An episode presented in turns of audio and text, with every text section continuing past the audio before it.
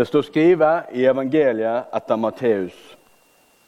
Jesus kom med læresveinene til en stad som heter Getsemane, og han sa til dem.: Sitt her medan jeg går bort og bed.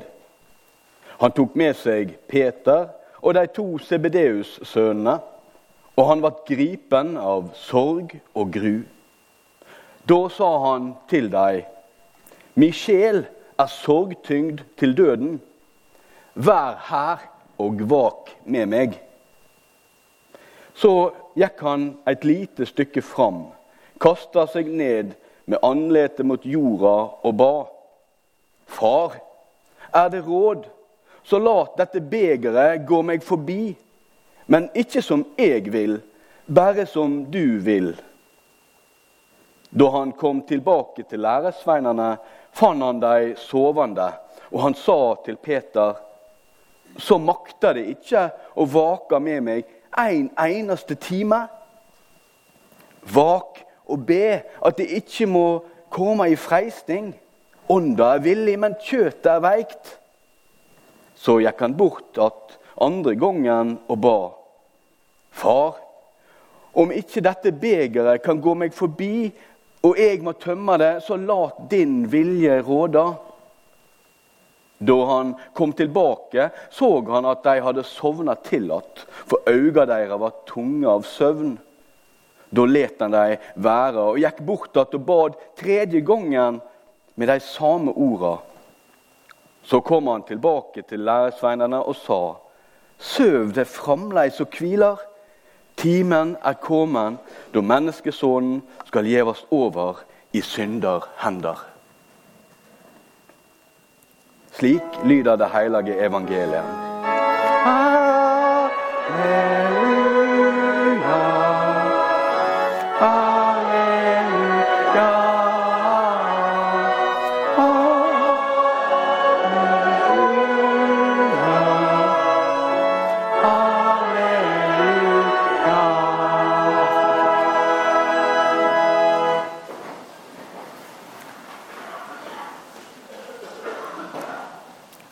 jeg eh, ser hvor mange som er her i dag, så tenker jeg eh, Søren òg, jeg skulle slutte oftere. Men det er en stor, eh, stor glede at, at dere kommer, og at vi på denne første søndag i advent Nei, faste kan, kan lage litt fest allikevel. Jeg, jeg syns at det skal være fest på en sånn dag som dette. Eh, Så takk for at du er her, og takk for at det er kake etterpå. Eh, eh, Du har sikkert et bilde inni deg om hvordan Jesus er. Din Jesus, hvordan ser han ut? Og Da tipper jeg at mange av oss vi har et bilde av den Jesus som, som er litt sånn sterk. Eh, kanskje han er til og med positiv. Og han, eh, han snakker imot de som rakker ned på de svake. Han sier sånne kloke ting. Og han gir håp. Og så, og så gjør han under. Eh, og så I denne fortellingen som vi møter i dag, så er Jesus i Getsemane.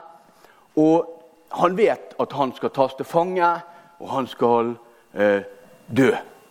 Han vet det. Og hva Jesus er det vi møter her? Er, det, er, det, er, liksom, er han frampå? Og, og, er han selvsikker? Er, er det virkelig den guddommelige, trygge, sterke Jesus vi møter her? Nei, det er ikke det. Han er urolig. Tenk da! Jesus urolig. Han er sorgtyngd. Han er fylt av gru. Et ord jeg aldri bruker, men uh, det gjør kaldt nedover ryggen på meg bare å si ordet gru. Og det ordet bruker Jesus om hvordan han har det. Han har med seg tre av sine nærmeste venner. Han har med seg Peter, Jakob og Johannes. Og disse tre de fikk lov til å være med på en veldig spesiell opplevelse i lag med Jesus en god stund før dette har skjedd. De fikk være med Jesus opp på et fjell. Og Der ble Jesus forvandlet for øynene på dem. Det skinte fra han, og de fikk se den guddommelige Jesus. Og jeg tenker det at det må ha styrket troen deres noe enormt. Og når de gikk ned fra det fjellet, så tenker jeg at å, han vi har med oss, han er stor, han. Og så sier Jesus til dem, ikke si det til noen. Ok, Men de tre, Peter, Johannes og Jakob, de visste Jesus var Guds sønn. Men nå nå ser de Jesus på et helt ny måte. Det er akkurat som om at han er strippet for alt guddommelig.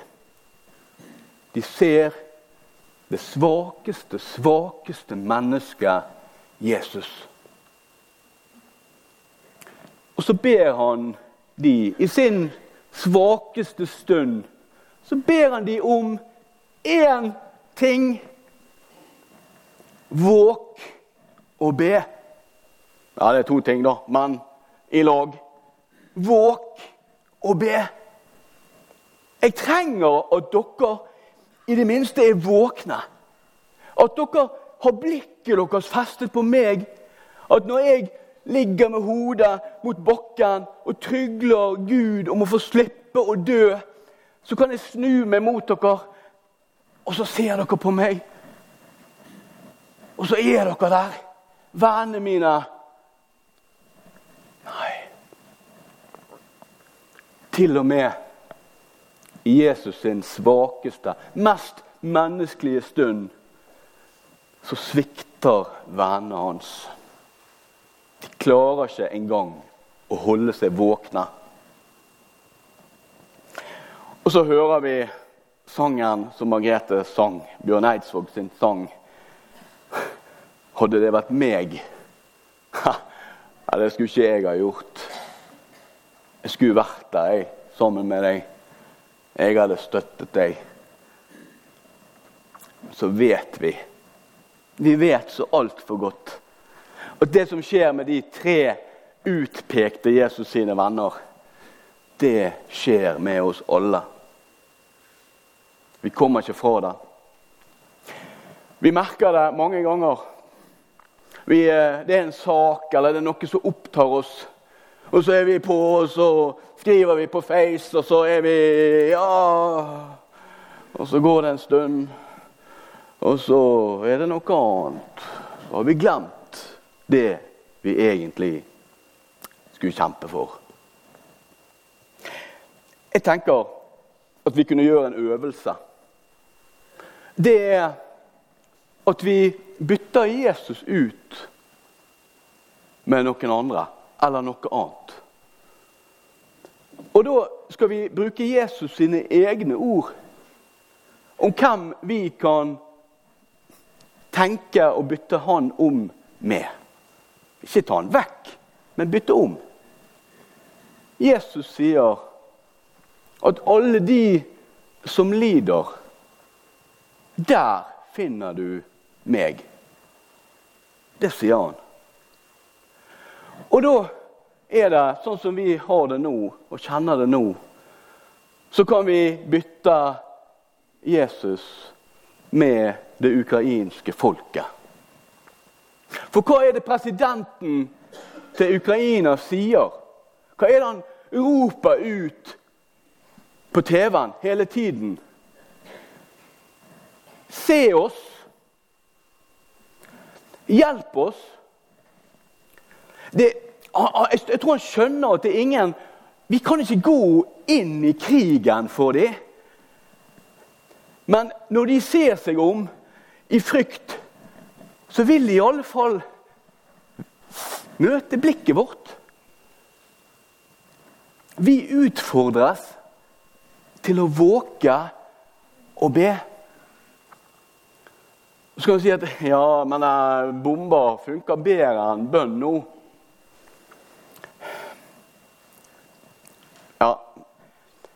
Det jeg er sikker på, det er at bønn, det gjør noe.